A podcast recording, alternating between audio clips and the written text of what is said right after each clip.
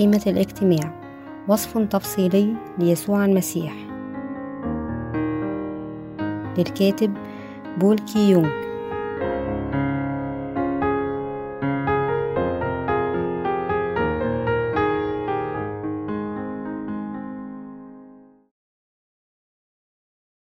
العظة الأولى. خلاص الخطاة المعلن في الخيمة. خروج الإصحاح السابع والعشرون. الآية التاسعة. إلى السابعة والعشرون. وتصنع دار المسكن إلى جهة الجنوب نحو التيمن للدار أستار منبوس مبروم. مئة ذراع طولا إلى الجهة الواحدة وأعمدتها عشرون وقواعدها عشرون من نحاس رزز الأعمدة وقضبانها من فضة. وكذلك إلى جهة الشمال في الطول أستار مئة ذراع طولا وأعمدتها عشرون وقواعدها عشرون. من نحاس رزز الأعمدة وقضبانها من فضة وفي عرض الدار إلى جهة الغرب أستار خمسون ذراعا أعمدتها عشر وقواعدها عشر وعرض الدار إلى جهة الشرق نحو الشروق خمسون ذراعا وخمسة عشر ذراعا من الأستار للجانب الواحد أعمدتها ثلاثة وقواعدها ثلاثة وللجانب الثاني خمسة عشر ذراعا من الأستار أعمدتها ثلاثة وقواعدها ثلاثة ولباب الدار سجف عشرون ذراعا من أسمنجونجي وأرجوان وقرمز وبوس مبروم صنعة الطراز. أعمدته أربعة وقواعدها أربعة لكل أعمدة الدار حواليها قضبان من فضة رززها من فضة وقواعدها من نحاس طول الدار مئة ذراع وعرضها خمسون فخمسون وارتفاعها خمسة أذرع من بوس مبروم وقواعدها من نحاس جميع أواني المسكن في كل خدمته وجميع أوتاده وجميع أوتاد الدار من نحاس وأنت تأمر بني إسرائيل أن يقدموا إليك زيت زيتون مردود نقيا للضوء لإصعاد السرج دائما. في خيمة الاجتماع خارج الحجاب الذي أمام الشهادة يرتبها هارون وبنو من المساء وبنوه من المساء للصباح أمام الرب فريضة دهرية في أجيالهم من بني إسرائيل. سور فناء الخيمة مستطيل وهو حوالي مئة ذراع في الطول في التوراة. الذراع يمتد من المرفق إلى رأس إصبعه حوالي خمسة وأربعون سنتيمترا بمقاييس اليوم. وبهذا كون طول فناء الخيمة يكون مئة ذراع هذا يعني أنه كان حوالي خمسة وأربعون مترا وأن عرضها كان خمسون ذراعا يعني بأنه كان تقريبا اثنين وعشرين مترا ونصف. لذا هذا كان حجم الدار الذي سكن فيها الله بين شعب إسرائيل في وقت العهد القديم. الفناء الخارجي للخيمة كان محاط بسور. هل رأيت نموذج الخيمة في صورة أو رسم من أمام في أي فرصة؟ متكلما بشكل عام لقد قسمت الخيمة إلى فنائها والخيمة نفسها بيت الله في دار الله هذا. الخيمة كان هناك جزء صغير دعي القدس. القدس قد غطى بأربع أغطية مختلفة. غطاء محاك من كتان منسوق بدقة بدقة وخيط أمسنجي وأرجواني وقرمزي وغطاء آخر من شعر معزي وتلك من جلود كباش محمرة والأخيرة من جلود تخسن في الجهة الشرقية من فناء الخيمة يوجد بواباتها. محاك من خيط أسم جني وأرجواني وقرمزي وكتان منسوق بدقة عند الدخول من هذه البوابة. كنا سنرى مسبح المحرقة والمرحضة بعد المرحلة النجدة الخيمة ذاتها. الخيمة قد قسمت إلى القدس وقدس الأقداس حيث يوجد تابوت للشهادة. سياج فناء الخيمة قد بني بستون عمود. عليها ستائر من كتان أبيض رفيعة. الخيمة نفسها من الناحية الأخرى قد بنيت بثمانية وأربعون لوحا وتسعة أعمدة. نحتاج أن يكون عندنا على الأقل فكرة عامة على الميزات الخارجية للخيمة لكي يمكننا أن نفهم ما يتكلم به الله إلينا خلال صيغته. سكن الله داخل الخيمة المبنية بثمانية وأربعون لوحا. الله أظهر حضوره إلى شعب إسرائيل بعمود الغمام في النهار وتلك من النار في الليل فوق الخيمة وداخل القدس حيث الله نفسه سكن. مجد الله ملأ المكان مجد الله ملأ المكان داخل القدس. كان هناك مائدة خبز الوجوه والمنارة ومذبح البخور. وداخل قدس الأقداس كان هناك تابوت الشهادة وعرش الرحمة. هذه كانت أماكن محرمة على عامة شعب إسرائيل. فقط الكهنة ورئيس الكهنة. يمكن أن يدخلوا هذه الأماكن طبقا لنظام الخيمة. إنه مكتوب. ثم إذ صارت هذه مهيئة هكذا يدخل الكهنة إلى المسكن. الأول كل حين صانعين الخدمة. وأما إلى الثاني فرئيس الكهنة فقط. مرة في السنة ليس بلا دم يقدمه عن نفسه وعن جهالات الشعب. عبرانيين الإصحاح التاسع الآية السادسة إلى السابعة. هذا أخبرنا أنه في عصرنا هذا فقط أولئك الذين عندهم الإيمان الملكي الذي يؤمن بإنجيل الماء والروح يمكن أن يعيشوا حياتهم مع الله يخدموه ما معنى الخبز الموضوع على مائدة خبز الوجوه؟ هو يعني كلمة الله. ماذا يعني مسبح البخور إذا يخبرنا عن الصلاة داخل قدس الأقداس. كان هناك تابوت الشهادة وعرش الرحمة مصنوع من الذهب الخالص قد وضع فوق التابوت الكروبيم امتدت أجنحتهم فوق ليغطوا عرش الرحمة بأجنحتهم وكل منهم يواجه الآخر نحو عرش الرحمة. هذا كان عرش الرحمة المكان حيث تمنح نعمة الله. داخل تابوت الشهادة يوجد لوحي الحجارة المنكوش عليها الوصايا العشرة عصا هارون الموقرة وقسط المن. التابوت قد غطى من قبل الغطاء الذهبي. عرش الرحمة وأعلى منه الكروبيم كانت تنظر إلى أسفل نحو عرش الرحمة. أين يحيا أولئك الذين نالوا مغفرة الخطايا؟ يحيا أولئك الذين نالوا مغفرة الخطايا داخل القدس. القدس قد بني بثمانية وأربعون لوحا. كل منها قد غطى بالذهب. فكر في الموضوع. عندما تلقي نظرة إلى الحائط الذهبي ليس فقط حائط لكنه من ثمانية وأربعون لوحا ذهبي. يلمع بشكل بديع ولأن داخل القدس وكل أدواته مصنوعة من الذهب الصافي لذا يلمعون بشكل بديع مسبح المحرقة. والمرحضة في الدار الخارجية للخيمة كانت كلها مصنوعة من النحاس وسياج الفناء كان مصنوعا من أعمدة غطت بالفضة وبطانة كتان بيضاء. على النقيض كل الأدوات داخل القدس كانت مصنوعة من الذهب. المنارة كانت من الذهب وهكذا كانت مائدة خبز الوجوه. ولأن كل المواد في القدس وجدرانه كانت هكذا مصنوعة من الذهب الصافي لذا داخل القدس كان يستطع يسطع ويلمع بشكل مبدع متألق. بذهبي السطوع الذهبي الرائع للقدس يخبرنا أن القديسين المخلصين يعيشون حياتهم الثمينة للإيمان داخل كنيسة الله.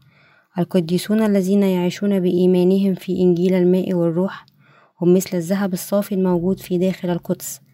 الحياة التي يعيشها مثل هؤلاء القديسون الذين يعيشون داخل القدس هي الحياة المعطاة التي تسكن في الكنيسة حيث يقتدون على كلمة الله ويصلون ويسبحون الله ويذهبون أمام عرش الله ويكسون نعمته يوميا. الكل من خلال الكنيسة هذه حياة الإيمان داخل القدس. وأنت يجب أن تفكر بهذا في قلبك أنه فقط البار الذي خلص بإنجيل الماء والروح هو من يمكنه أن يعيش هذه الحياة الثمينة بالإيمان داخل القدس. قد قسم الله داخل وخارج القدس بوضوح. كما أن أغلب المنازل لها أسوار هكذا فناء الخيمة أيضا كان له سياج مصنوع من ستون عمودا وأحيطت بالستائر البيضاء الرفيعة. في شرق الفناء بوابة مصنوعة من الخيط الأسمنجوني والأرجواني والقرمزي وكتان أبيض موضوع ليراها الكل عرضها تسعة أمتار. من دراسة الخيمة ندرك بوضوح ما هو الإيمان الرائع الذي يريده الله منا ما نوع الإيمان الذي يمكن أن يخلص من خلال المواد المستعملة للخيمة. هكذا قد خلصنا ربنا حينما تتعلم الإيمان الذي يمكن أن يخلص. الإيمان الذهبي والرائع المخزن داخل القدس. يجب أن ننظر أولا بشكل حذر إلى المرحضة ومذهب المحرقة والسياج الذي قد وضع في الفناء الخارجية للخيمة وكل المواد المستعملة لهم وبهذا يمكننا أن نكتشف معا ما هو نوع الإيمان الذي يمكن أن ندخل به القدس الذهبي والمتألق بشكل مبدع. ماذا يوجد في الفناء الخارجية للخيمة؟ كان هناك مرحضة ومذبح المحرقة وكان محاط بستين عمود خشبي. وعلى ذو الأعمدة ستائر كتانية وقد وضعت كسياج للفناء. أعمدة هذا السياج كانت مصنوعة من حطب الصمت الذي على الرغم من قساوته إلا أنه كان مضيء جدا. الأعمدة مصنوعة من هذا الحطب كانت تقريبا اثنين وخمسة وعشرون مترا في الارتفاع مما جعل من المستحيل لمعظم الناس أن تنظر في داخل الخيمة بالمرتفعات الطبيعية من خارج سياج الفناء الخارجية إذ وضح أحد شيئا ما ليخطو عليه بشكل متعمد حتى يرى ما بداخل الفناء فسيمكنه ذلك لكن بدون ذلك كان من المحال أن يرى ما بالداخل وهذا يعلمنا أننا لا يمكننا أن ندخل ملكوت الله بجودنا الذاتية. وضعت محاجر برزونية برونزية على النهايات السفلية للأعمدة الخشبية للدور الخارجية وثبت أعلى الأعمدة بتاج عمود فضي وحيث أن الأعمدة لا يمكن أن تقف وحدها لذا ربطت أربطة فضية بثبات لتقرب الأعمدة معا ولتدعم الأعمدة بشكل قوي من كل الجهات الخطافات الفضية وضعت في الغطاء الفضي للأعمدة حيث ربطت بمشابك برونزية مع حبال. خروج الإصحاح الخامس والثلاثون الآية الثامنة عشر. ماذا كانت المواد المستعملة لبوابة دار الخيمة؟ المواد التي استعملت لبوابة فناء الخيمة كانت خيط إسمنجوني وأرجواني وقرمزي وكتان. ارتفاع البوابة كانت اثنين وخمسة وعشرون مترا. وعرضها كان حوالي تسعة أمتار وكانت شاشة محاكاة بخيط إسمنجوني وأرجواني وقرمزي وبوص مبروم وقد علقت في أربع أعمدة حتى ما إذا حاول أحد ما الدخول إلى دار الخيمة يجد بواباتها بسهولة. المواد الإسمنجونية والأرجوانية والقرمزية والكتان التي استعملت لبوابة الخيمة توضح أن الله ينقذنا من كل أثامنا خلال الأعمال الأربعة التي لابنه يسوع. كل الأعمدة الخشبية والبطانة الرفيعة لسياج فناء الخيمة أيضا توضح الطريقة التي خلصنا بها الله من أثامنا من خلال ابنه يسوع خلال بوابة الفناء الخارجية للخيمة بكلمات أخرى يكشف الله لنا سر الخلاص بوضوح. دعنا مرة ثانية نعود إلى المواد المستخدمة لبوابة دار الخيمة إسمنجوني وأرجواني وقرمزي وكتان منسوج هذه أربع خيوط حتمية لخلاصنا. وإذا لم تكن تلك المواد لها أهمية حتمية لما سجلت في التوراة بكل تفصيل. كل المواد المستعملة لبوابة دار الخيمة كانت ضرورية بالتأكيد بالنسبة لله. حتى يخلصني ويخلصك على أي حال فإن حقيقة بأن نسج البوابة بمواد أرجوانية وزرقاء والخيط القرمزي والكتان اللذين البطانة كان لها هدف وأهمية حتمية بالنسبة لله. من أجل خلاص الإسمة. لأن هنا هذه الأربعة خيوط كانت تكشف خطة الخلاص التام لله. هكذا صمم الله لهذا بين الله نموذج الخيمة لموسى على جبل سيناء وأخبره أن يجعل بوابة دار الخيمة وفقا لذلك. ما معاني الخيط الأرجواني والأزرق والقرمزي والبوص المبروم؟ بوابة القدس كانت مصنوعة من ستارة محاكاة أرجوانية وزرقاء وقرمزية وكتان والحجاب بين القدس وقدس الأقداس قد نسج أيضا من هذه الخيوط الأربعة ليس هذا فقط لكن الأفود ودرع صدر رئيس الكهنة قد نسج أيضا من نفس هذه الخيوط ماذا تعني إذا هذه الخيوط؟ ماذا يريد الله أن يقول لنا من خلال هذه الخيوط؟ يجب أن نتفحص هذه القضية عن قرب أولا الخيط الأزرق يشير إلى معمودية يسوع المسيح. أولئك الذين يجهلون أهمية معمودية يسوع لا يعرفون بأن الخيط الأزرق يشير لمعمودية المسيح يسوع. أولئك الذين لم يولدوا ثانيا عموما لا يعرفون ما هو المعنى الخيط الأزرق. المسيح يسوع الله بنفسه وهو جاء إلى هذه الأرض في جسد إنسان كما يدعي آخرون. من الناحية الأخرى أن الخيط الأزرق فقط يعني الكلمة. على أي حال التوراة تخبرنا أن الخيط الأزرق يعني معمودية يسوع التي من خلالها أمام أثار العالم على نفسه بعد المجيء إلى هذه الأرض. الكتاب المقدس يبين لنا بوضوح أن الخيط الأزرق يشير لمعمودية الماء التي استلمها يسوع من يوحنا المعمدان. وبقراءة الكلمة عن الخيمة يمكننا أن ندرك يا الله يريد أن يبين لنا أهمية إيماننا في معمودية يسوع. العباءة التي كان يلبسها رئيس الكهنة أثناء تقديم القرابين قد نسجت أيضا من الخيط الأزرق والصفيحة التي من الذهب التي كانت على عمامة رئيس الكهنة. يلبسها على رأسه والحبل الذي يربط الصفيحة إلى العمامة كان أزرق أيضا وعلى صفيحة الذهب هذه عبارة قدس للرب. قد نقشت عليها يمكننا أن نرى أن الحبل الأزرق الذي يربط الصفيحة الذهبية على عمامة رئيس الكهنة تشير بوضوح لمعمودية يسوع الذي أعطى قدس الرب بهذه الطريقة. ومن خلال الحبل الأزرق الذي ربط صفيحة الذهب للعمامة يتكلم الله إلينا عن خلاص الحقيق خلاصنا الحقيقي بكلمات أخرى. الأساس الذي يعطينا القداس الأزرق وهذه هي معمودية يسوع. حيث أن الأزرق عموما يذكرنا بالسماء الزرقاء الأزرق لا يشير لله فقط بين الخيط الأرجواني والأزرق والقرمزي والبوس المبروم الخيط الأزرق بالتأكيد يعني معمودية المسيح يسوع وبشكل مختلف الخيط الأزرق يخبرنا أن السيد المسيح أخذ أسام كل أسمة هذا العالم بمعموديته متى الإصحاح الثالث الآية الخامسة عشر؟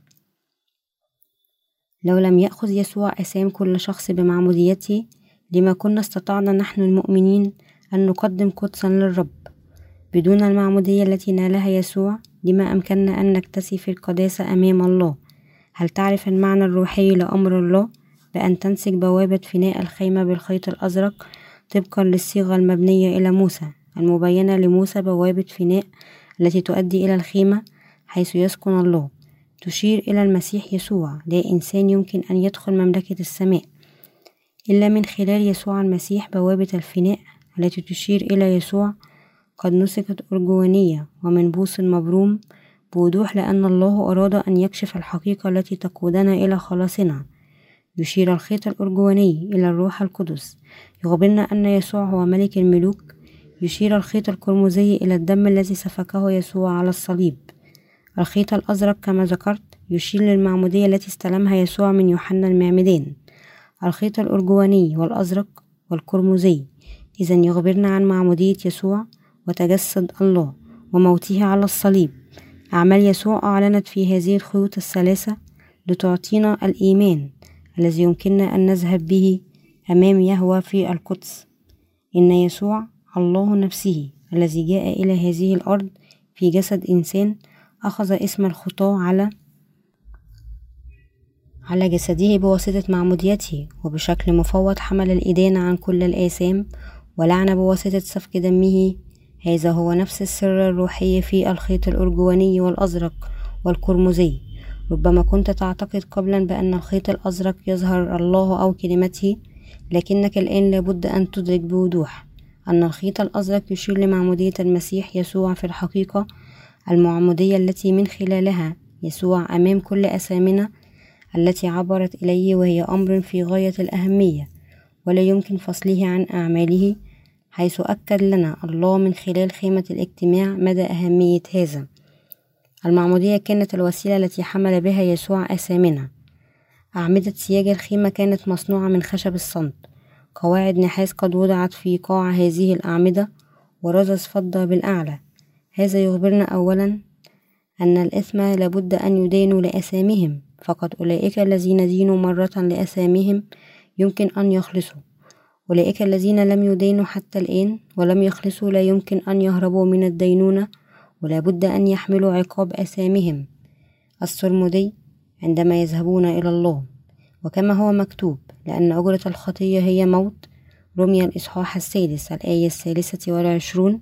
سيقع الخطاة بالتأكيد تحت حكم الله الرهيب لآثامهم لذا يجب أن يدان الخطاة من الله مرة لآثامهم وبعد ذلك يحيوا ثانية حينما يكتسون نعمته. هذا هو الميلاد الثاني الإيمان بالخيط الأزرق أن السيد المسيح يسوع أخذ كل أثامنا عليه من خلال المعمودية والإيمان بالخيط القرمزي أن يسوع قد خلص كل الخطاة حينما أدين على الصليب. ولا شيء سوى هذا الإيمان هو ما يجعلنا نموت مرة بسبب أثامنا ونولد ثانيا. لذا يجب أن تدرك أن الدينونة السرمدية تنتظر أولئك الذين بسبب عنادهم لا يمكن أن يمروا خلال الحكم في الإيمان. معمودية يسوع كانت الوسيلة التي بها حمل المسيح كل أثامنا لينقذنا من أثامنا عمد يسوع على يد يوحنا المعمدان لكي يأخذ كل أثامنا عليه. يسوع الله نفسه جاء الآن لينقذنا. هو جاء إلى هذه الأرض. في جسد إنسان أخذ كل اسم الأسامين عليه من خلال معموديته على يد يوحنا المعمدان نائبا عن كل البشرية. وقد أدين نائبا عن الخطاة حين سلم جسم جسده الخاص على الصليب وسفك ماء ودم. إن بوابة فناء الخيمة تخبرنا بأكثر تفصيلا عن الأعمال التي أتمها يسوع كمخلصنا. فمن خلال بوابة فناء الخيمة يخبرنا الله بوضوح أن يسوع قد أصبح مخلص الخطاة والبوس المبروم يشير لكلمة العهد القديم والعهد الجديد بأكثر تفصيل. وكيف أنهما يتساقان ويتناغمان معا ويكمل كل منهما الآخر. وكيف تنسب كل شريحة بطريقة معقدة لتكون هذه البطانة الرفيعة المحاكاة. ومن خلال الكتان الذي نسج البطانة يخبرنا الله بالتفصيل كيف أنه خلصنا. عندما ننظر إلى السجاد نرى بأنه نسج بواسطة خيوط نسيج مختلفة وبهذا أمر الله شعب إسرائيل أن يجعلوا بوابة فناء الخيمة مصنوعة من نسيج من خيط إرجواني وأزرق وقرمزي في بطانة محاكاة بدقة. هذا أخبرنا أن يسوع الذي جاء إلينا من خلال الماء المعمودية والدم الصليب الروح القدس يسوع هو الله المخفي في الكلمة المعقدة لله هو ذاته باب خلاصنا وبالإيمان الصحيح في المسيح يسوع الذي يعلن في الكلمة المفصلة الله واكتسائنا بحبه نخلص الآن كلية. خلصنا الآن كلية خلال الإيمان لم يخلصنا. يسوع المسيح بطريقة عشوائية ولكن حينما ننظر إلى الخيمة نرى كيف أن الله خلص الخطاة بالتفصيل وبكل دقة. ويمكننا أن نرى أيضا كيف أنه خلصنا بدقة حينما ننظر إلى أعمدة السياج. لماذا حددت بدقة عدد أعمدة السياج ستون؟ لأن العدد السادس يشير إلى الإنسان بينما العدد الثالث يشير إلى الله. في إصحاح الثالث عشر من سفر الرؤيا ظهر رقم ستمائة وستة وستون. ليخبرنا الله بأن هذا الرقم هو رمز الوحش والحكيم يعرف سر هذا الرقم. العدد ستة وستون يرمز إلى إنسان يتصرف وكأنه الله ما هي رغبة البشرية؟ أليس أن يكونوا كائنات إلهية تامة؟ فإذا كنا حقا نريد أن نصبح كائنات إلهية إذا يجب أن نولد ثانيا بالإيمان بيسوع فنصبح أبناء الله الأعمدة الستين تشير إلى هذا بشكل مفصل إلا أنه بدلا من الإيمان يرتكب الشعب الشرور متباهين محاولين أن يكونوا شركاء للطبيعة الإلهية بجهودهم الخاصة وهذا هو دافعهم وراء ترجمة كل الكلمة طبقا لرغبتهم وأهوائهم الخاصة. بالنسبة لهم ليس هناك إيمان ورغبة قلوبهم هي التي تقف ضد الله فرغبة الجسد هذه هي التي تجعلهم يحاولون أن يصبحون كاملين بجهودهم الذاتية وأن يصلوا إلى كمال جسدهم ولكنهم بذلك ينجرفون بعيدا عن كلمة الله. كلمة الخلاص المعلنة في كل مواد الخيمة. لكي ينقذ المسيح يسوع الخطاة ويدخلهم القدس كان هناك ضرورة حتمية لأدوات ومواد الخيمة كما كان مسبح المحرقة أيضا ضروري مع المرحضة والأعمدة والقواعد البرونز والرذذ الفضية والعوارض التي كلها ضرورية. كل هذه الأشياء هي الأدوات التي وجدت خارج القدس والمواد التي صنعت بها كانت ضرورية في عملية تحول الاسم إلى بار مستقيم. كل هذه الأشياء كانت ضرورية لتمكن الخطاة من الدخول والحياة في ملكوت الله لكن أكثرهم أهمية كان الخيط الأزرق معمودية يسوع الخيوط الأرجوانية والزرقاء والقرمزية استخدمت لتصنع بوابة فناء الخيمة. هذه الخيوط تشير إلى الأعمال الثلاثة ليسوع التي نجتاح إليها عندما تثق بالله. أولا يسوع جاء إلى هذه الأرض وأخذ كل أثامنا عليه بمعموديته ثانيا يسوع الله الروح. وثالثا يسوع مات على الصليب ليحمل الإدانة عن كل الآثام التي حملها خلال معمودية يوحنا في نهر الأردن. هذا هو الترتيب الصحيح للإيمان الحقيقي الذي يحتاجه الخطاة ليخلصوا ويصبحون أبرارا. عندما نقرأ الكتاب المقدس يمكننا أن ندرك فقط كم عمق فكر ربنا فليس أحد سوى الله يمكنه أن يخلص شعب بهذه الدقة. خيط بخيط مثل البطانة المنسوجة بدقة علاوة على ذلك جعل الله شعب إسرائيل. يبني بوابة فناء الخيمة بواسطة نسج خيط إرجواني وأزرق وقرمزي على بوس مبروم. كان طوله تسعة أمتار وهكذا كان الله يريد أن يؤكد على أن أي شخص ينظر إلى الخيمة حتى من بعيد سيمكنه أن يعرف بوابة فناء الخيمة ستائر الكتان الأبيض التي علقت على أعمدة فناء الخيمة تظهر قداسة الله. وهكذا نحن يمكن أن ندرك أن الخطاة لا يمكن أن يتجاسروا على الاقتراب من الخيمة وأنهم يمكن أن يدخلوا في فنائها فقط عندما يخلصون بالإيمان بأعمال يسوع الظاهرة في الخيط الأزرق والأرجواني والقرمزي. المنسوجة في بوابة فناء الخيمة بهذه الطريقة. مكن الله الخطاة من معرفة أن المسيح يسوع قد محى كل أساميهم وأنقذهم من خلال الماء والدم والروح القدس. ليس هذا فقط لكن كل المواد والعناصر التي استخدمت لصنع الخيمة بما فيها بوابة فنائها تبين لنا أن الكلمة المعقدة التي احتاجها الله ليحول الخطاة إلى أبرار. لأن الله أمر شعب إسرائيل أن يجعلوا بوابة فناء الخيمة كبيرة بما يكفي. حتى يتمكن أي شخص من أن يجدها ولأن هذه البوابة قد نسكت بواسطة خيط أرجواني وأزرق بشكل معقد. وخيط قرمزي مع الكتان الرفيع. الله مكن الكل أن يفهم بوضوح الكلمة الهامة التي يمكن أن تحول الخطاة لأبرار. بوابة فناء الخيمة تخبرنا أن الله قد خلصنا كلية. نحن الذين كنا مثل حطب الخرنوب من الخطية لمن من خلال الخيط الأزرق. معمودية يسوع. الخيط القرمزي دم الصليب والإرجواني يسوع هو نفسه الله. عين الله بأن أولئك الذين يؤمنون بهذا فقط سيمكنهم الدخول إلى القدس دار الله. المسيح يسوع يخبرنا. يخبرنا الله أننا لكي نعيش حياة الإيمان الذهبية المشرقة بشكل رائع. يجب أن نغسل من كل أثامنا من خلال معمودية يسوع ونجد أمام الرب. لهذا الله نفسه بين نموذج الخيمة إلى موسى. بين الله نموذج الخيمة إلى موسى بناء عن طريق موسى وجعل شعب إسرائيل ينال مغفرة الخطية من خلال بناء هذه الخيمة. دعنا نلخص الإيمان الذي خزناه من خلال فناء الخيمة وفي القدس. يستمر الله في حديثه لنا عن إيماننا من خلال فناء الخيمة وعن حقيقة أن يسوع خلصنا بالماء والدم والروح القدس الإيمان في بوابة الفناء التي نسجت بخيط أرجواني وأزرق وقرمزي وفي وضع أيدي رئيس الكهنة على الحمل القرباني وإراقة دماء هذا الحمل القرباني. والإيمان الذي يغسل به رئيس الكهنة يديه وأقدامه في المرحضة. كل هذه الأشياء تعلمنا أنه فقط إيماننا في إنجيل الماء والروح هو الإيمان من الذهب الصافي الذي يمكننا أن ندخل في القدس ونعيش هناك في المجد. من خلال الخيمة.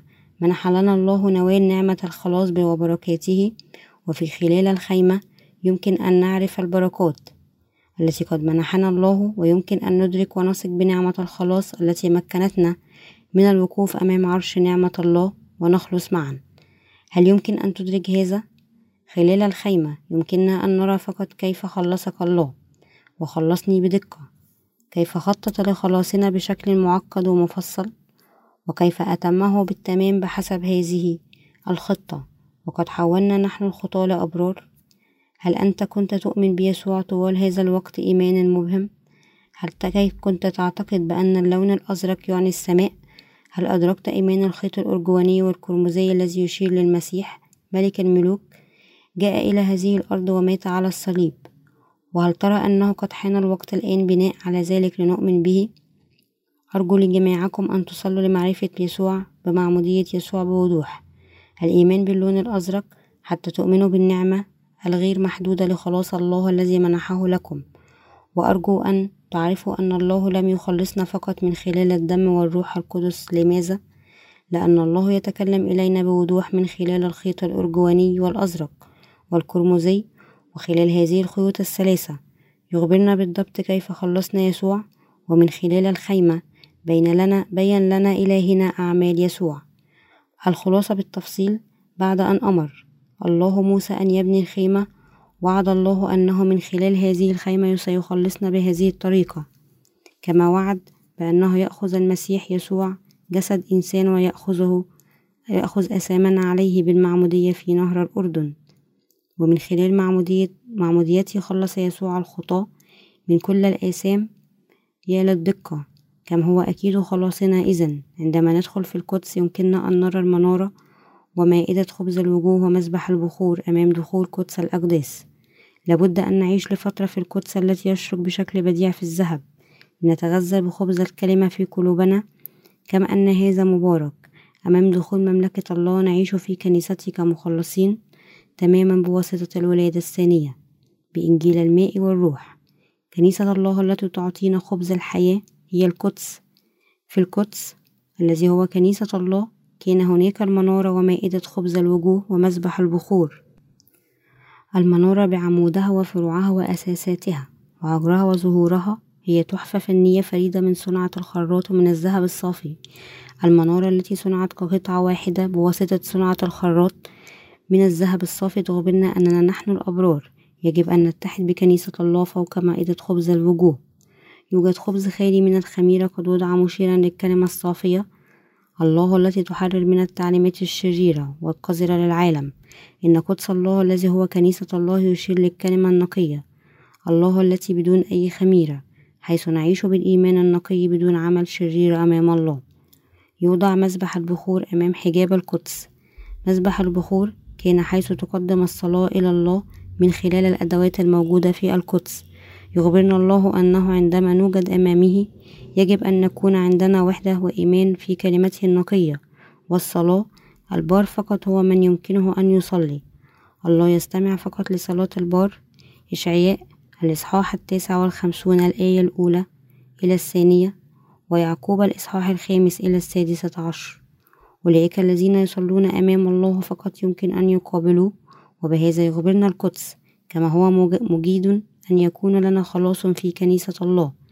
المواد الرئيسية التي استعملت للخيمة الخيط الأزرق. يسوع قد عمد. الخيط القرمزي يأخذ كل أثامنا عليه خلال معموديته.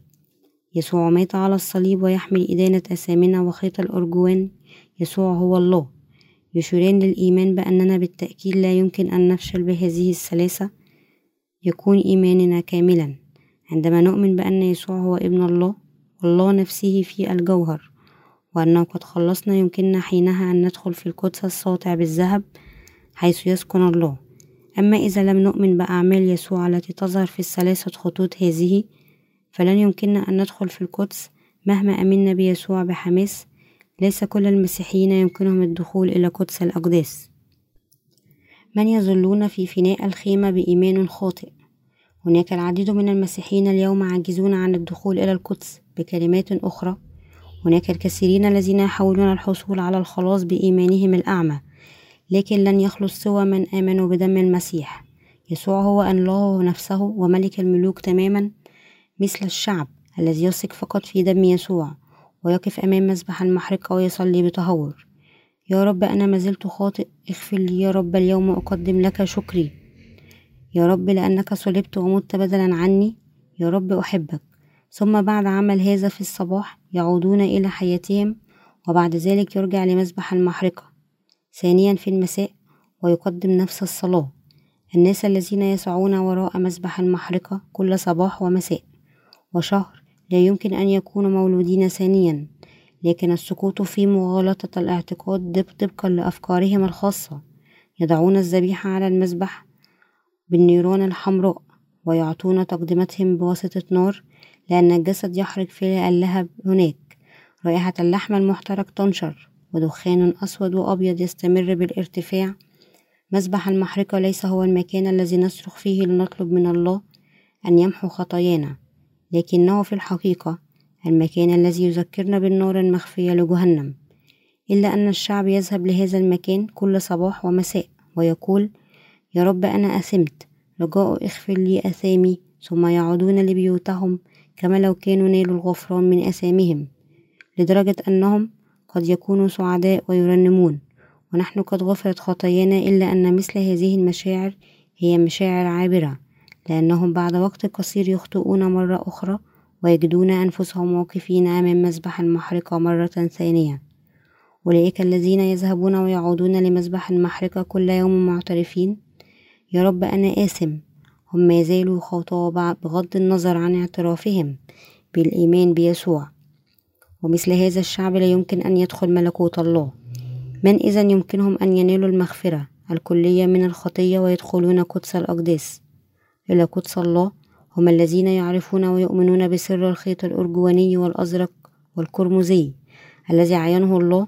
أولئك الذين يثقون بهذا يمكن أن يعبرون بواسطة مسبح المحرقة بإيمانهم بموت يسوع الذي أمام أسامهم التي عبرت إليه ويغسلون أيديهم وأقدامهم في المرحضة ويذكرون أنفسهم أن كل أساميهم نقلت إلى يسوع من خلال معموديته وبعد ذلك يدخلون لقدس في القدس الله. أولئك الذين يؤمنون بإنجيل الماء والروح نالوا مغفرة الخطية سيدخلون الملكوت بإيمانهم لأن إيمانهم يوافق عليه الله. أرجو أن تدركوا جميعا وتؤمنوا بأن المعنى التوراتي الخيط الأزرق هو معمودية يسوع. هناك الكثيرين يعلنون إيمانهم بيسوع اليوم لكن القليلين منهم يؤمنون بالماء أي الخيط الأزرق معمودية يسوع. تلك ظاهرة محزنة وكئيبة أن نجد الكثير من الشعب يترك الإيمان بالمعمودية والتي هي أهم ما في عقائدهم المسيحية. أرجو وأصلي أنكم جميعا تعرفون وتثقون بإيمان الأرجواني الأزرق. والقرمزي حتى تمنحوا أنتم الدخول لملكوت الله. يجب أن نثق بالرب الذي أعلن لنا في الخيط الأرجواني والأزرق والقرمزي بالخيمة الذي هو أساس خلاصنا. ربنا قد خلصك وخلصني عندما ننظر للخيمة. يمكننا أن نجد كيف تم خلاص الله بالتفصيل الدقيق. نحن لا يمكن أن نشكره بشكل كافئ ووافي على هذا. كم نحن ممتنين لخلاص الرب لنا من خلال الخيط الأزرق والأرجواني والقرمزي وأنه قد منحنا الإيمان أيضا بهذا الخيط الأزرق والأرجواني والقرمزي الخطاة لا يمكن أن يدخلوا في القدس دون أن يكتسون بنعمة الله وسيجدون خائفين في يوم دينونة الله على أثامهم. كيف يمكن لشخص لم يدان على أسامه أن يفتح باب الخيمة ويدخل في القدس؟ لا يمكنك لا يمكنهم ذلك. وإذا دخل مثل هذا الشعب في القدس سيلعنون ويعمون في اللحظة الأولى. يا يلا هذا السطوح هنا. كيف يمكن هذا؟ أنا لا أستطيع أن أرى أي شيء. عندما أخرج يمكن أن أرى كل شيء. لماذا لا أقدر أن على شيء في الكل؟ لماذا الظلام دامس هنا؟ لكن سأتمكن من أن أرى جيدا عندما أخرج خارج القدس. لقد أخبروني قبلا أن القدس ساطع لكن لماذا هو مظلم؟ هم لا يمكن أن يروا لأنهم أصبحوا عميانا روحيا. لأنه ليس لديهم الإيمان بالخيط الأزرق والأرجواني والقرمزي هؤلاء الخطاة لا يمكن أن يدخلوا في القدس. لكن ربنا قد مكننا أن لا نعمى في القدس. بل أيضا ننال بركة الحياة في القدس للأبد. ومن خلال الخيط الأزرق والأرجواني والقرمزي والبوس والمبروم وهكذا في داخل الخيمة أخبرنا الله بالدقة طريقة خلاصنا وطبقة وطبقا لكلمة النبوة هذه. هو حقا خلصنا من أثامنا ربنا خلصنا بالماء والدم والروح القدس. يوحنا الأولى الإصحاح الخامس الآية الرابعة إلى الثامنة حتى لا نعمة لكي نحيا إلى الأبد. في نعمته منيرين. هو خلصنا من خلال الخيط الأزرق الأرجواني والقرمزي والبوس المبروم. وعدنا, وعدنا ربنا بالكلمة المفصلة لله بهذا الوعد. وقد أخبرنا أنه أنقذنا بواسطته بالتمام هل تعتقد بأننا خلصنا بأعمال يسوع التي ظهرت في الخيط الأزرق والأرجواني والقرمزي والبوس المبروم؟ نعم خلصنا فقط بشكل عشوائي ليه؟ نحن لا يمكن أن نخلص بدون الإيمان في الخيط الأزرق والأرجواني والقرمزي الخيط الأزرق لا يشير إلى الله بل يشير لمعمودية يسوع الذي بها أخذ أسام العالم نهر في نهر الأردن إنه يمكن على سبيل المصادفة أن تقف أمام مذبح المحرقة بدون الإيمان في الخيط الأزرق. معمودية يسوع قد يصل الشعب حتى إلى المرحضة التي بجانب مذبح المحرقة لكنهم لا يمكن أن يدخلوا القدس حيث مسكن الله. أولئك الذين يمكن أن يفتحوا باب الخيمة ويدخلون القدس هم فقط أبناء الله الذين قد نالوا مغفرة الخطية بالإيمان بإنجيل الماء والروح. لكن الأشرار مهما كانوا لا يمكن أن يدخلوا القدس. كم هذا مستحيل. إذا هل من واجبنا أن ندخل لنصل إلى خلاصنا؟ نحن لا نخلص عندما ندخل في فناء الخيمة لكن عندما ندخل في القدس حيث الله. الفرق بين الإيمان داخل الخيمة والإيمان خارج الخيمة. مسبح المحرقة والمرحضة في الفناء الخارجية من الخيمة كانوا مصنوعين من البرونز والسياج كان مصنوع من خشب فضي وبرونز. لكن عندما ندخل في الخيمة المواد تختلف تماما. أهم ما يميز الخيمة أنها دار الذهب. الجدران المشاركة الثلاثة قد بنيت بثمانية وأربعون لوح من خشب الصمت. الكل مغطى بالذهب مائدة خبز الوجوه ومسبح البخور. صنع أيضا بواسطة الصمت. وبالذهب والمنارة قد صنعت بواسطة الذهب بصنعة صانع حاضق وهكذا كل الأدوات داخل القدس كانت مصنوعة من أو مغطاة بالذهب الصافي. من الناحية الأخرى بماذا صنعت القواعد التي تحت الأعمدة؟ كانت مصنوعة من الفضة بينما قواعد أعمدة سياج فناء الخيمة كانت مصنوعة من البرونز وقواعد أعمدة الخيمة كانت مصنوعة من الفضة وبينما أعمدة سياج فناء الخيمة كانت مصنوعة من خشب الصمت فقط وأعمدة الخيمة مصنوعة من خشب الصمت مغطي بالذهب. لكن قواعد الأعمدة الخمسة لباب الخيمة كانت مصنوعة من البرونز. ولو أن قواعد أعمدة الخيمة مصنوعة من الفضة وأعمدة باب الخيمة مصنوعين من في البرونز فماذا يعني هذا؟ يعني أن كل من يأتي في حضرة الله يجب أن يكون مدان على أسامه كيف؟ إذا هل يمكن أن نوجد في محضر الله مدينين وحكم علينا بالموت؟ فإذا متنا لن نوجد في محضر الله أمام أمام الله خلال البرونز الذي استعمل لقواعد الأعمدة الخمسة لباب الخيمة. صدق الله على أننا حتى وإن كان لزاما علينا أن يحكم علينا لأجل أسامنا إلا أن يسوع أخذ أسامنا عليه خلال معموديته وقد دين على هذه الآثام بدلا عنا. هناك شخص آخر حمل الإدانة عن كل آثامنا بدلا عنا. شخص آخر مات من أجلنا ومات نائبا عنا هو يسوع المسيح. الإيمان الذي ظهر بواسطة الخيط الأزرق هو الإيمان بأن يسوع أمام كل أثامنا التي عبرت إليه خلال معموديته وغفر كل أثامنا كما أن الله أخذ حياة المسيح يسوع للإدانة عن كل أثامنا التي عبرت إليه خلال معموديته. ولذا حمل كل أثامنا نحن لا دينون علينا. الآن لأجل أثامنا الإيمان الذي أعلن بواسطة الخيط القرمزي هو الإيمان في الدم الذي سفكه يسوع على الصليب. هذا الإيمان هو أن المسيح يسوع حمل إدانة أثامنا نائبا عنا نحن الذين كان لابد لنا أن نحمله. فقط أولئك الذين عبرت كل أساميهم ليسوع بإيمانهم بمعموديته ودينونته عن كل أساميهم بإيمانهم بالدم الذي سفكه يسوع على الصليب بموت جسده بسبب كل هذه الأسام. هم من يمكنهم الدخول في القدس. هذا هو السبب وراء صناعة باب الخيمة من البرونز. وهكذا نحن يجب أن نثق بدم المسيح الذين أخذ كل أسامنا عليه خلال معموديته وقد أدين بدلا عنا. سبق فعين الله بأن أولئك الذين يقتنعون بحقيقة أن المسيح يسوع خلصهم وهو الله نفسه الخيط الأرجواني بمعمودية يسوع الخيط الأزرق وحقيقة أن يسوع قد دين نائبا عنهم لأسامهم. الخيط القرمزي هم فقط من سيمكنهم الدخول الله قد أجاز فقط دخول القدس لأولئك. الذين قد دينوا مرة أخرى لأساميهم بإيمانهم بيسوع والذين يؤمنون أن يسوع خلصهم من أساميهم سيدخلون إلى القدس. قواعد أعمدة باب الخيمة كانت مصنوعة من البرونز. القواعد البرونزية لها معنى روحي أن الله منح الخطاة المولودين من نسل آدم أن يدخلوا في القدس في منزلة فقط بغض النظر عن أن منهم. عندهم الإيمان في الخيط الأزرق معمودية يسوع الخيط القرمزي حمل يسوع الدينونة عن الخطاة والخيط الأرجواني يسوع الله نفسه. إن القواعد الخمسة لأعمدة الباب كانت مصنوعة من البرونز وتخبرنا إنجيل الله الذي كما أتبنى روميا الإصحاح السادس الآية الثالثة والعشرون لأن أجرة الخطية هي موت لكن عطية الله هي حياة أبدية. في المسيح يسوع ربنا يسوع قد غفر أثامنا بالماء والدم والروح. نحن لا يجب أن نتجاهل الكلمة بل نؤمن بها بالله. الإيمان بيسوع لا يعني بأنك تخلص بلا شروط ولا يعني أن تحضر كنيستك التي ولدت فيها بلا شروط.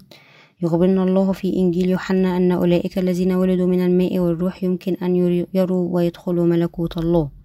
قال يسوع بحزم لنيقوديموس زعيم اليهود ومؤمن ومخلص بالله أنت معلم يهود وحتى الآن لست مولودا ثانيا. فقط يحلم, يحلم يولد الشخص ثانيا من الماء والروح يمكن أنه يرى ويدخل ملكوت الله. الشعب الذي يثق بيسوع يمكن أن يكون مولودا ثانيا فقط حينما يؤمنون بالخيط الأزرق. يسوع أخذ كل أثامنا عليه حالا عندما عمد. الخيط القرمزي مات يسوع من أجل أثامنا. وخيط الأرجواني يسوع هو المخلص الله نفسه وابن الله.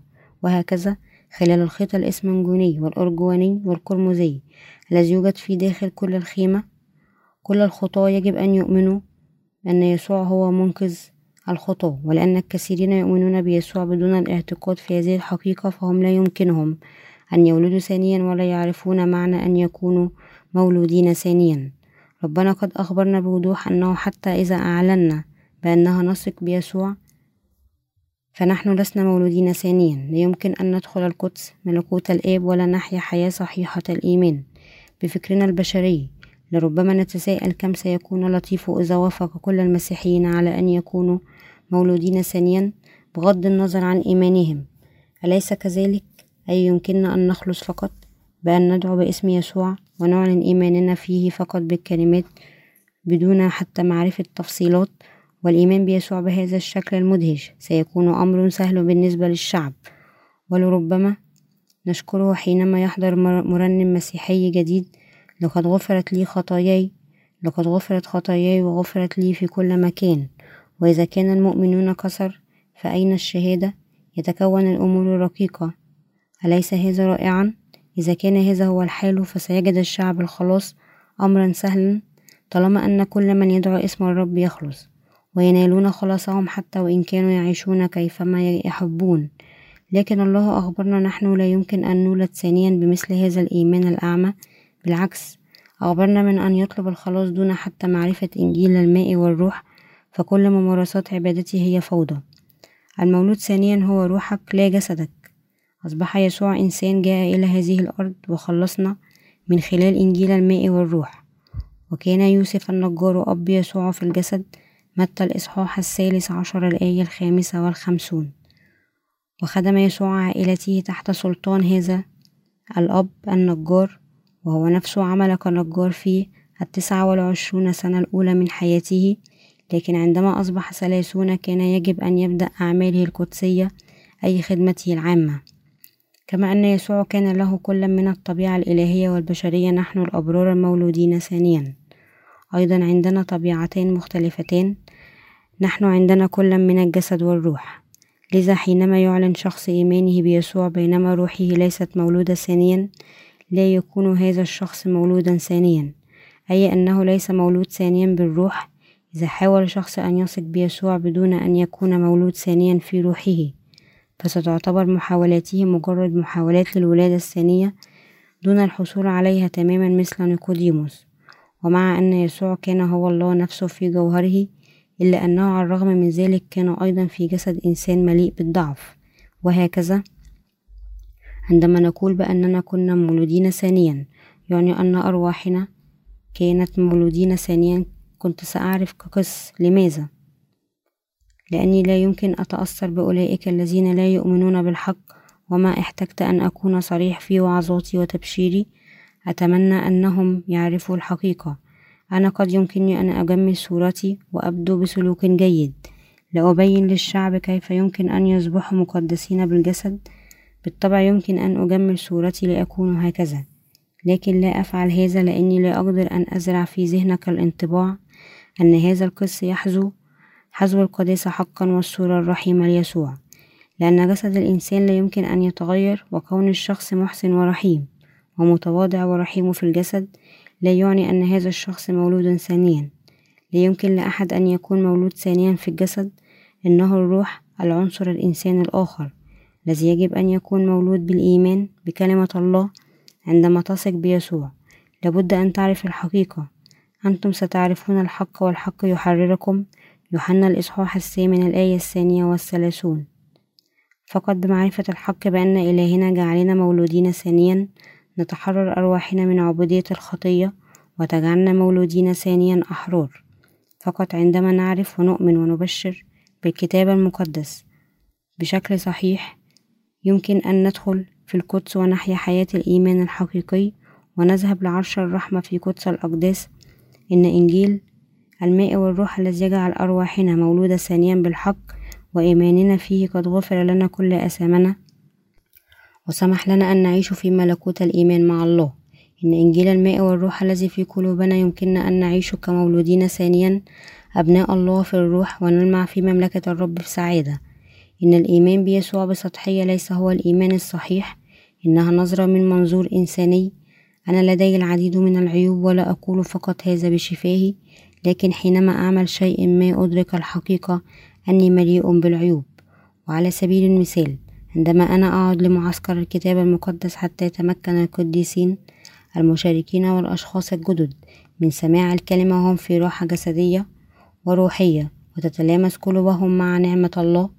ينالوا الولادة الثانية ويعودون بعد ما ينالوا الراحة الجسدية وراحة قلوبهم أيضا بأن هناك العديد من الأشياء التي لم أفكر بها ولم أعد مقدما. الأشياء التي كان يجب علي الاهتمام بها أكثر أمور سهلة إذا ما كنت فقط انتبهت قليلا. تلك الأشياء هي ما تتبادر إلى ذهني بمجرد الانتهاء من وقت التحضير والمعسكر على وشك أن يبدأ أتساءل لماذا لم أفكر بمثل هذه الأشياء من أمام وأعدتهم مقدما؟ عندما كنت حذر وفطن أكثر قليلا في إعدادي لمعسكر الكتاب المقدس كان القديسون والنفوس الجديدة يسمعون الكلمة تتدفق ويخلصون ويقضون وقت جيد. أيضا حتى عندما أعمل اليوم كله بسبب نقص كفاءتي أجد في الكثير من الأوقات أن النتائج لا تجاري جهودي بشكل جيد. حقيقة لدي الكثير من العيوب لماذا لا أقدر؟ هل لأنني ما فكرت بهذا؟ كل ما كنت أحتاجه هو فقط الانتباه قليلا وحتى الآن لماذا لا يمكن أن أعمل هذا؟ عندما أخدم الإنجيل في الحقيقة أدرك عيوبي جدا. هكذا أتعرف على نفسي. هذا أنا فأعترف نقصي وعدم كفايتي. لا أقول هذه فقط بشفاهي ولا أن أدعو أن هذا أن أكون معتدل. لكن في الحقيقة لا يمكن لأحد أن يوازي بين جميع الأطراف معا بشكل صحيح حتى بالنسبة للأمور الصغيرة حينما أنظر لنفسي أشعر بعيوب العديدة حقا. ننال القداسة من خلال الإيمان بالخيط الأزرق. عندما يفكر الناس بأنفسهم يريدون أن يفعلوا كل شيء بسلاسة بدون صنع أي أخطاء لكن عندما يواجهون بحسم الحقيقة قدرتهم الحقيقية وعيوبهم تكشفان بوضوح يجدون أنهم غير كفء حقا. وأنهم لا يمكن أن يأسموا ويصنعوا أخطاء. عندما يؤمن الشعب بأنهم يعملون الصواب يدللون أنفسهم ويؤمن أنهم ذاهبون لملكوت الله لأن إيمانهم جيد لكن الجسد لا يتغير أبدا. ليس هناك جسد دون عيوب وهو دائما خطاه ويكشف عيوبه. إذ ببساطة تعتقد بأنك يمكن أن تذهب بملكوت ربنا لأنك فعلت بعض الخير. لابد أن تدرك أنه مهما عمل جسدك فهو بلا فائدة. بالتأكيد أمام الله. الشيء الوحيد الذي يمكننا الدخول لملكوت الله هو إيمانك بكلمة الحق الخيط الإسمنجوني والأرجواني والقرمزي أي أن الرب خلصنا؟ لأن ربنا خلصنا خلال الخيط الإسمنجوني والأرجواني والقرمزي نحن يمكن أن ندخل القدس فقط بإيماننا هذا أو لو ينقذنا الله خلال الخيط الإسمنجوني والأرجواني والقرمزي فلن نكون قادرون أن ندخل القدس. بغض النظر عن مدى قوة إيماننا نحن يمكن أن ندخله. لماذا؟ لأنه إذا كان الحال هكذا فهو يعني بأن إيماننا بالجسد يجب أن يكون جيد كل يوم نتمكن من الدخول. إذ كان يمكننا ندخل ملكوت الله إذا كان إيماننا جيد بما فيه الكفاية فكيف يمكننا نحن الذين عندنا مثل هذا الجسد الضعيف أن نجعل إيماننا جيد كل يوم ونكون قادرين أن ندخله؟ إذا لم يكن هناك طريق لنوال مغفرة الخطية بمفردنا وإذا لم يكن عندنا الإيمان لنتغير كل يوم حينما نأسم كيف يمكن أن نجعل إيماننا جيد بما فيه الكفاية؟ لكي ندخل ملكوت الله. أجسامنا لابد أن تكون أجسام مقدسة لا تأسم من جديد ويجب أن أقدم صلاة وتوبة ونصوم كل يوم لكن من له الجسد المقدس من يمكن أن يعمل هذا؟ لو لم يكن الله خلصنا من خلال الخيط الإسمنجوني والأرجواني والقرمزي لما استطاع أحد من الدخول لملكوت السماء. لأننا متغيرون وإيماننا يمكن أن يكون في لحظة جيد ثم تمحي اللحظة القادمة حينما يكون إيماننا جيد فقط في لحظة ثم تمحي ثانيا مرارا وتكرارا ونصبح مشوشين. سواء كان حقا لدينا الإيمان أم لا ينتهي الحال بفقدان حتى الإيمان الذي كان لنا قبلا. وفي النهاية نصبح حتى أشر طالما لا نؤمن بيسوع. لكن يسوع خلصنا. نحن الخطاه العاجزون الضعفاء طبقا لخطته للخلاص المعلنة في الخيط الإسمنجوني والأرجواني والقرمزي والبوس المبروم. وأعطانا مغفرة أثامنا فقط حينما يكون لنا هذه الشهادة. يمكن أن نضع الصفيحة الذهبية قدس للرب على عمامتنا مثل رئيس الكهنة. سفر الخروج الإصحاح الثامن والعشرون. الآية السادسة والثلاثون إلى الثامنة والثلاثون ويمكننا أن نقوم بمهامنا ككهنة أولئك الذين يمكن أن يشهد لقداستهم هم للرب أمام الشعب الذي خدمتهم ككهنة عندهم هذه الشهادة الدليل في قلوبهم أنه نالوا مغفرة الخطايا من خلال إنجيل الماء والروح الصفيحة الذهبية قد ربطت لعمامة رئيس الكهنة والذي كان يربط هذه الصفيحة إلى العمامة كان أيضا حبل أزرق لماذا؟ إذا قال الله بأن العمامة يجب أن تربط بهذا الحبل الأزرق. إن ما أحتاجه كان أيضا حبل أزرق. إن ما أحتاجه ربنا لكي يخلصنا كان الخيط الأزرق. هذا يشير للمعمودية التي يسوع استلم ليأخذ أسامنا عليه. لو لم يكن الرب محى أسامنا بحملها في العهد الجديد من خلال معموديته بنفس طريقة وضع الأيدي في العهد القديم. لما أمكننا أن ننال قداسة من يهوى بغض النظر كم نؤمن بيسوع. لهذا ربطت الصفيحة الذهبية إلى العمامة بجبل بحبل أزرق. وكل شخص يرى رئيس الكهنة بالصفيحة الذهبية المنقوش عليها قدس للرب يمكن أن يذكره بأنه يجب أن يكون مقدس أمام الرب بواسطة نوال مغفرة الآثام. كان الشعب يرى أنهم لابد أن يكونوا مقدسين أمام الله. ويجعلنا نحن هكذا. يجب إذا نتذكر كيف أصبحنا أبرار دعونا نقرأ متى الإصحاح الثالث الآية الخامسة عشر. لكن يسوع أجاب وقال له اسمح الآن لأنه ينبغي أن تتمم كل بر. ثم سمح له وبهذا خلصنا يسوع من أثامنا بمعموديته لأن يسوع أخذ أثامنا بمعموديته أولئك الذين يسلكون بهذا أبرار. هل إذا لم يكن تعمد يسوع يمكننا أن نتجاسر حتى وأن نقول بأننا أبرار؟ هل نلت مغفرة الخطية باعترافك بالإيمان بموت يسوع على الصليب؟ بدموعك المخلصة في عينيك. هناك العديد جدا من الناس يجدون صعوبة في أن يحزنوا على موت يسوع حتى أن أشخاص ليس لهم علاقة به يحاولون تظهر أجدادهم ليزرفوا الدموع أو تذكر الصعوبات التي مروا بها في مرض أو المصاعب وآلام بالماضي. أما أن يحزنوا لصلب يسوع فلا يمكن أن يمحي خطاياهم بمثل هذه الطريقة.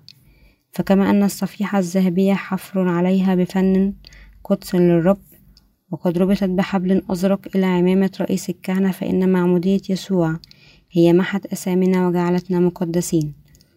نالت قلوبنا مغفرة الخطية لأن يسوع أخذ أسامنا بمعموديته لأن يهوى وضع كل أسامنا عليه ولأن كل الأسامي العالم عبرت ليسوع خلال معموديته.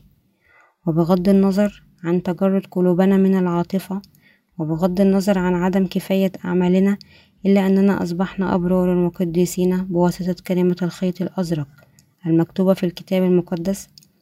عندما ننظر لجسدنا لا نخجل لأن إيمان الخيط الإسمنجوني والأرجواني والقرمزي في قلوبنا. لأننا عندنا الإنجيل التام للماء والروح الذي يخبرنا أن يسوع أخذ أثامنا خلال المعمودية وحمل إدانتنا. على الصليب لذا يمكننا أن ننشر الإنجيل بكل جراءة لأننا نملك إنجيل الماء والروح.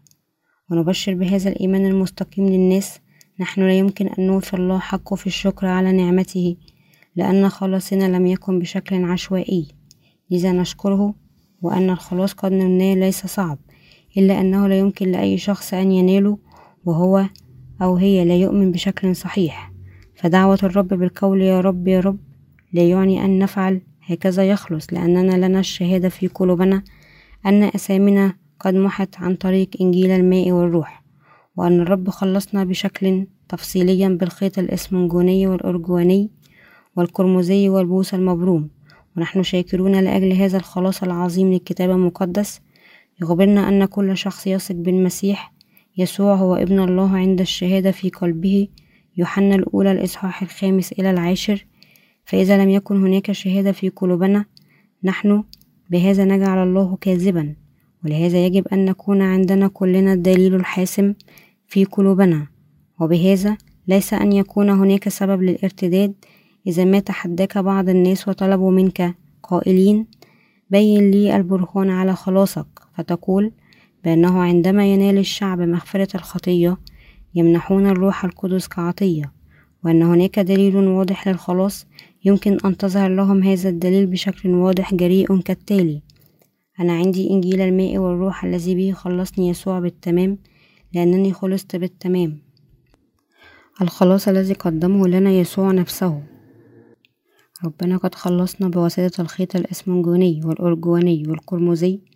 هو قد أعطانا الخلاص مصنوع من ثلاثة خيوط مختلفة. هذا الخلاص بالخيط الأسمنجوني والأرجواني والقرمزي. ليس سوى هبة الخلاص التي منحت لنا من قبل الله. هذه هي هبة الخلاص التي تمكننا من أن ندخل ونعيش في القدس. إنجيل الماء والروح حولك وحولني لأبرار وسمح لنا أن نأتي لكنيسة الله ونعيش حياة النقاوة والإنجيل الحقيقي. مكننا أن نتغذى على الكلمة الروحية وننال نعمته هو سمح لنا أن نذهب أمام عرش نعمة الله ونصلي. ولذا أعطانا الإيمان الذي به يمكننا أن نأخذ النعمة الوفيرة التي منحها لنا الله. وبخلاصنا الوحيد. أتاح الله لنا هذه البركات العظيمة وهذا الخلاص ثمين جدا.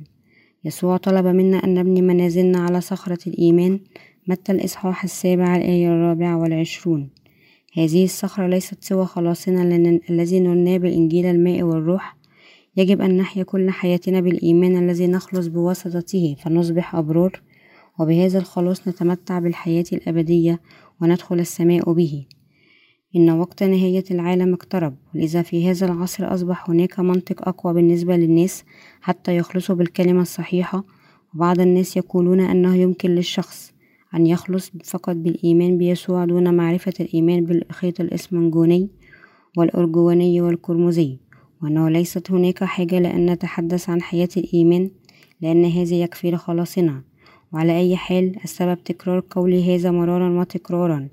فقط أولئك الذين نالوا مغفرة الخطية في قلوبهم يمكن أن يعيشوا حياتهم بالإيمان الذي يوافق الله لأن قلب كل قديس نال مغفرة الخطية هو الهيكل المقدس الذي يسكنه الروح القدس. يجب أن يعيشوا حياتهم بالإيمان حتى لا يدنس هذه القداسة. كيف يحيا الأبرار حياتهم بشكل مختلف بالكامل عن الأشرار؟ من وجهة نظر الله كيف يعيشون الأشرار بالكامل تحت مقياسه؟ حياتهم مليئة بالنفاق فقط ويحاولون جادين أن يعيشوا طبقا للناموس فيضعون مقياسهم الخاصة. كيف يمكن أن يمشوا؟ كيف يجب أن يعيشوا حياتهم؟ كيف يجب أن يتحدثوا ويجب أن يضحكوا؟ لكن هذا ما زال بعيدا عن حياة الإيمان التي يحياها الأبرار. يطلب الله من البار بالتفصيل. أحب الرب إلهك من كل قلبك وقوتك وأحب جيرانك كما تحب نفسك. هذا نمط الحياة الذي أعطاه الله للبار. يليق بنا نحن الأبرار أن نعيش حياتنا نحن نحب الله من قلوبنا. وبحسب مشيئته للحفاظ على جيراننا يجب أن نقوم بجهود غير معدودة. هذه هي حياة المسيحيين. إذا كنا سنعيش بمستوى نعتقد فيه أننا لن نرتكب خطية فلن نستطيع إتباع حياة الأمانة للمسيحيين المولودين ثانيا. أمام أن أولد ثانيا كنت أحيا حياة ناموسية الإيمان في طائفة مشيخية محافظة. وهكذا بقدر ما اهتمت بحياة الناموس حاولت أن أحفظه بشكل شامل في الوقت الحاضر. لا يميل الناس لفعل ذلك لكن لأنني كنت وما زلت أحيا حياتي الدينية منذ عهد بعيد كنت أراعي كل الناموس في كل حياتي كنت مطيع للناموس إلى أقصى حد حتى أنني ما عملت في يوم الرب كما أمرنا الناموس أننا يجب أن نحفظ يوم السبت ونقدسه حتى أنني لم أقدر أقدر سيارة أبدا أيام الأحد. إذ طلبت منك فعل ذلك سيكون هذا مستحيل عمليا. فلا إنسان يمكنه أن يعيش مثل هذه الحياة الناموسية. هذه كانت حياتي الناموسية أمام أنا أولد ثانيا. وعلى أي حال بغض النظر مدى تقوى الحياة التي كنت أحيا بها؟ إلا أنه لم يكن لي علاقة بالله. عزيزي القارئ هل أنت عندك الإيمان بالخيط الأسمنجوني؟ والأرجواني والقرمزي لأن خلاص يسوع يحتوي على هذه الثلاثة خيوط. لذا نحن يمكننا أن ندخل في القدس بواسطة إيماننا. خلاصنا تم منذ ألفي سنة مضت أخذ المسيح يسوع عليه مسبقا حتى أمام أن نعرفه. كل أسامنا عليه بواسطة معموديته وتحمل إدانة أسامنا بموته على الصليب. الخلاص من الخطية تم في المسيح يسوع. عندما يدخل أولئك الذين لم يولدوا ثانيا للخيمة وهم لا يدخلون خلال بوابة الدور لكنهم يتسلقون على السياج بشكل غير شرعي يقولون لماذا البطانة الرفيعة على السياج الأبيض هذا؟ إنه ثقيل جدا. كان يجب أن يلونوه ببعض الأحمر والأزرق فهي ألوان عصرية لوقتنا. لكن هذا السياج أبيض جدا؟ وسميك أكثر من اللازم ولماذا هو عالي جدا؟ إن طوله أكثر من اثنين وخمسة وعشرون مترا وطولي لا يصل حتى اثنين متر كيف يفترض بي؟ أن أصبح في الداخل إذا كان السياج عالي جدا. أنا يمكن أن أتسلق عليه باستعمال سلم. مثل هذا الشعب يحاول الدخول بأعماله الجيدة. يتسلقون سياج فناء الخيمة مع ذبائحهم الأعمال الحسنة والصبر فيقعون من على السياج. القول أنا يمكن أن أقفز بالتأكيد أسفل اثنين وخمسة وعشرون مترا بأي طريقة. لذا بعدما يتسلق فناء الخيمة ينظر خلفه ويرى مذبح المحرقة فيتحاشى النظر للمذبح وينظر نحو القدس. فأول شيء يراه أمامه موضوع هي المرحضة إن ارتفاع أعمدة سياج فناء الخيمة اثنين وخمسة وعشرون مترا لكن ارتفاع الأعمدة وباب القدس حيث مسكن الله أربعة متر ونصف. الشعب يمكن أن يدخل في فناء الخيمة إذا كان لديهم إصرار كافي على ذلك. لكن حتى إذا قفزوا من أعلى الاثنين والخمسة وعشرون متر للسياج العالي ودخلوا في فناء الخيمة لكن عندما يحاولون الدخول حيث مسكن الله سيصادفون الأربعة متر ونصف للأعمدة العالية وباب القدس. الشعب يمكن أن يقفز على خمسة متر بجهدهم الخاص لكنهم لا يمكن أن يقفزوا على أربعة متر ونصف. متغاضين الله. هذه نهايتهم. هذا يعني أننا عندما نثق أولا بيسوع يمكننا أن نؤمن بشكل مجرد كديانة. بعض الناس يمكن أن يثقون بيسوع كمخلص بإرادتهم ويؤمنون فقط. إنه إنسان من الأربع خدمات العظيمة. بغض النظر عن كيف يؤمن الشعب فهم يمكن أن يكون لديهم إيمان خاص مهما كان الطريق الذي يختارونه لكنهم لا يمكن أن يكونوا حقا مولودين بمثل هذا الإيمان. ليكونوا حقا مولودين ثانيا يجب أن يعبروا خلال بوابة الخيط الأسمنجوني والأرجواني والقرمزي. بواسطة إيمانهم نحن مولودين ثانيا أمام الله بإيماننا أن يسوع مخلصنا وباب الحق وأنه قد خلصنا بالماء والدم والروح. الإيمان الذي يثق بأن أعمال يسوع الظاهرة في الخيوط الثالثة لا شيء سوى الإيمان بالدم والماء والروح. الشعب حر في أن يؤمن بشيء ما دون سواه. لكن هناك دليل أكيد على أنهم سيخلصون ويباركوا بمثل هذه الطريقة بإيماننا بالإنجيل الماء والروح. يمكن أن نحصل على التصديق من الله على إيماننا وننال النعمة والبركات. هدف هذا الإيمان في إنجيل الماء والروح أن يكسون في نعمة الله. هل تعتبر الخيمة مجرد فناء صمم مستطيلي الشكل به في دار؟ هذا لا يمكن أن يكون له فائدة إلى إيمانك. الخيمة تخبرنا عن الإيمان كله ونحن يجب أن نعرف بالضبط. ما هو هذا الإيمان؟ فإذا لم تعرف الخيمة بتدقيق فربما تعتقد بأن ارتفاع الخيمة هو ارتفاع سياجها. اثنين اثنين وخمسة وعشرون مترا لكن هذه ليست الحقيقة حتى إذا لم نكن ندخل الفناء. لكن إذا نظرت للخيمة من خارج السياج سنرى بأن الخيمة أعلى مرتين من السياج. مع أننا لن نستطيع رؤية أسفل الخيمة إلا أنه ما زال بإمكاننا أن نرى بها بابها بوضوح وهذا يخبرنا أن الخيمة من سياج الفناء أولئك الذين نالوا مغفرة أساميهم بالإيمان بيسوع ودخلوا في بوابة فناء الخيمة يجب أن يثبتوا إيمانهم الصحيح على مذبح المحرقة والمرحضة. ثم بعد ذلك يدخلون في القدس وحتى تدخل القدس يجب أن تتخلى تتحلى بنكران ذات دائم ذات دائم ويجب أن نميز بين الأدوات المستخدمة داخل القدس والأدوات الموجودة خارج القدس. هل تعرف ما أكثر ما يكرهه الشيطان؟ هو يحتقر أن يحدد الخط الفاصل بين داخل وخارج القدس. لأن الله يجري عمله بين أولئك الذين يميزون بين داخل وخارج القدس والشيطان يكره تحديد مثل هذا. ويحاول أن يمنع الشعب من رسم هذا الخط الفاصل. لكن تذكر هذا أن الله يعمل بوضوح وسط أولئك الذين استطاعوا أن يميزوا خط الإيمان هذا. الله يرضي بمثل هذا الشعب الذي يحدد هذا الخط ويمنحه بركاته. إن عرش الرحمة هو المكان الذي ننال فيه الخلاص. في قدس الأقداس نجد الشاروبيم يمدان أجنحتهم ناظرين أسفل من فوق الغطاء الذي يغطي تابوت الشهادة والمكان الذي بين الملاكين يدعى عرش الرحمة. إن عرش الرحمة هو المكان اللي يمنحنا فيه الله نعمته وغطاء تابوت الشهادة لطخ بالدم لأن رئيس الكهنة رش دم الذبيحة المقدم عن شعب إسرائيل على عرش الرحمة لسبع مرات. هكذا الله تنازل من عرش الرحمة ومنح رحمتي على شعب إسرائيل وكل ولكل أولئك الذين يثقون بهذا. يغدق الله عليهم بركاته وحمايته وتوجيهه ومن ذلك الحين فصاعدا يصبحون شعب الله حقيقي مستحقين للدخول في القدس من بين العديد من مسيحي العالم. هناك بعض الذين سمح لهم بإيمانهم بالدخول في القدس بينما لم يتمكن آخرين من الدخول للقدس لأنهم ليس لديهم مثل هذا الإيمان. أي نوع من الإيمان تملك؟ نحتاج ذاك الإيمان الذي يمكنه أن يرسم الخط الواضح للخلاص وندخل في القدس. لأنه بهذا فقط يغدق الله بركاته بوفرة لكنه ليس من السهل. أن يكون عندك مثل هذا النوع من الإيمان لأن الشيطان يكره أن يضع الشعب الخط الواضح للخلاص فيحاول أن يلطخ ويشوه هذا الخط دائما قائلا. أنت ليس عليك أن تؤمن بهذه الطريقة لا يؤمن الآخرون بمثل هذا. لذا لماذا تعطي الأمر أهمية؟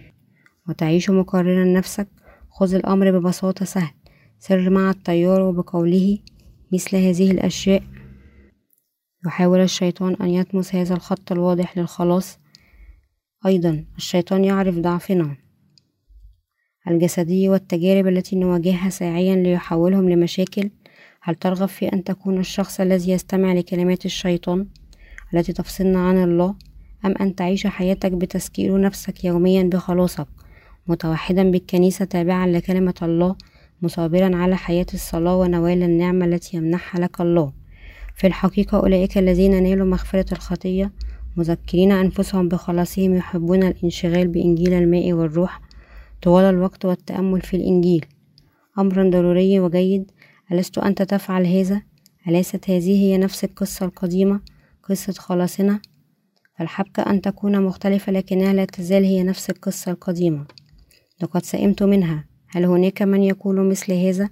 آسف إذا كان علي أن أكرر نفس القصة مرارا وتكرارا كل يوم لكن إذا كان الكتاب المقدس يطلب منا أن نتأمل في خلاصنا كل يوم فماذا علي أن أعمل؟ إذا كان العهدين القديم والجديد يتحدثان إلينا عن إنجيل الماء والروح إن الشر في نظر الله الذي نصنعه للشعب؟ هو أن نبشر بشيء خلاف هذه الحقيقة؟ كل كلمة الكتاب المقدس تتحدث عن إنجيل الماء والروح. الخلاص وحياة الإيمان والإيمان والحياة الروحية الحرب ضد الشيطان والسماء والمجد والنعمة والبركة والقيامة والحياة الأبدية والرجاء. كل هذه المفاهيم الرئيسية للقديسين مرتبطة بالإنجيل الحقيقي. أما التبشير بأن أي شيء سوى هذا يعتبر تعاليم باطلة وقد يبدو مشابه لك لكنه مختلف في الجوهر وليست سوى تعاليم باطلة لأن أي إنجيل يبدو مشابه من الخارج لكنه مختلف من الداخل عن إنجيل الماء والروح هو مجرد إنجيل مزيف للأديان الباطلة. كما هو رائع أن تنشر كنيسة الله كلمة الله كل يوم وليس كلماته خادعة من الأديان الباطلة. يا لها من بركة عظيمة أن تتحد الكنيسة وتسمع وتثق بكلمة الله النقية. بأن نبشر بإنجيل الماء والروح دائما. كنيسة الله تحث القديسين على التفكير والانشغال بنعمة الله كل يوم. وأن يصلوا لله وأن يعيشوا الحياة التي لا تبرر الشرير. التي لا تتبع الشرير. ألست سعيد بسماع مرة ثانية كلمة الحق وأنك آمنت بما بها ومنحت لك أن تنال مغفرة الخطايا؟ أنا أيضا سعيدا جدا إذا أجبرت على التبشير بأي شيء خلاف إنجيل الماء والروح. كنت سأعاني بشدة وإذا أجبرت على التبشير بكلمة الخلاص مع بعض هذه التعاليم الأخرى أنه ليس بالطبع كنت سأهرب. هناك الكثير من القضايا الإنسانية الأخرى. التي يمكن أن أتكلم عنها لكن هذه كلها ليست ضرورية وهي مجرد تعليم مفسد للخميرة.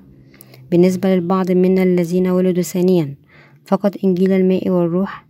الله نفسه قد خلصنا بالكلمة الثمينة التي تتمتع بحلاوتها كلما اقتررنا فيها مرارا وتكرارا. هناك العديد من القصص الأخرى التي يمكن أن أخبرك بها لو أحب لك أكثر أن أتكلم عن إنجيل الماء والروح. أنا متأكد بأنك أنت أيضا تحبه أكثر. عندما تسمع كلمة الخلاص هذه لربما أنت تشتكي بأن نفس القصة كل يوم لكنك تؤمن بعمق في الداخل. الآن ما سمعته مرة ثانية أشعر أنه أفضل في بادئ الأمر. لم أكن أشعر أنه عظيم بهذا الشكل لكن عندما أستمر في سماعه يمكن أن أرى أنه ليس هناك قصة أخرى تستحق الاستماع مثل هذه القصة. أمنت أن قصة اليوم يمكن أن تكون مميزة شيئا ما لأن الخاتمة تخبرني رغم أنها كانت نفس القصة تسرد مرة ثانية لكني ما زلت متأكد أن هذا تشعر ما تشعر به. أنا سعيد أيها الإخوة والأخوات أني أبشر هنا كلمة يسوع. يجب على الوعاظ أن يبشرون بكلمة يسوع ويبشرون بما عمل يسوع لنا وينشرون حقيقة الماء والروح من خلال الكلمة المكتوبة. لن يفترض بأن يفعل أحد هذا سوى كنيسة الله. نحن نحيا حياتنا الآن بالإيمان في الكنيسة والدخول في القدس وإنارة تحت المنارة بسبعة فروع تضرم موهبة ذهبية ونأكل خبزا في دار الذهب النقي ونصلي في مسبح البخور ونذهب لهيكل الله ونعبده ونعيش في داره الذهب. هذه لا شيء سوى حياتنا بالإيمان أنت وأنا نحيا الآن الحياة بالإيمان التي أعطاها لنا الله. وننال مغفرة الخطية ونعيش حياة الإيمان. هذا هو كل ما يوجد داخل الدار الذهبية. الله مع أن إنساننا الخارجي يموت إلا أن إنساننا الداخلي يتجدد يوما بعد يوم. كورنثوس الثانية. الإصحاح الرابع الآية السادسة عشر. مع إيماننا بالخيط السسمنجوني والأرجواني والقرمزي والبوس المبروم الظاهر في الخيمة. أرواحنا نعيش في دار الله التي تلمع بالذهب. أقدم الشكر إلى الله إلى الأبد لخلاصنا من كل أثامنا ودينونتنا. هللويا.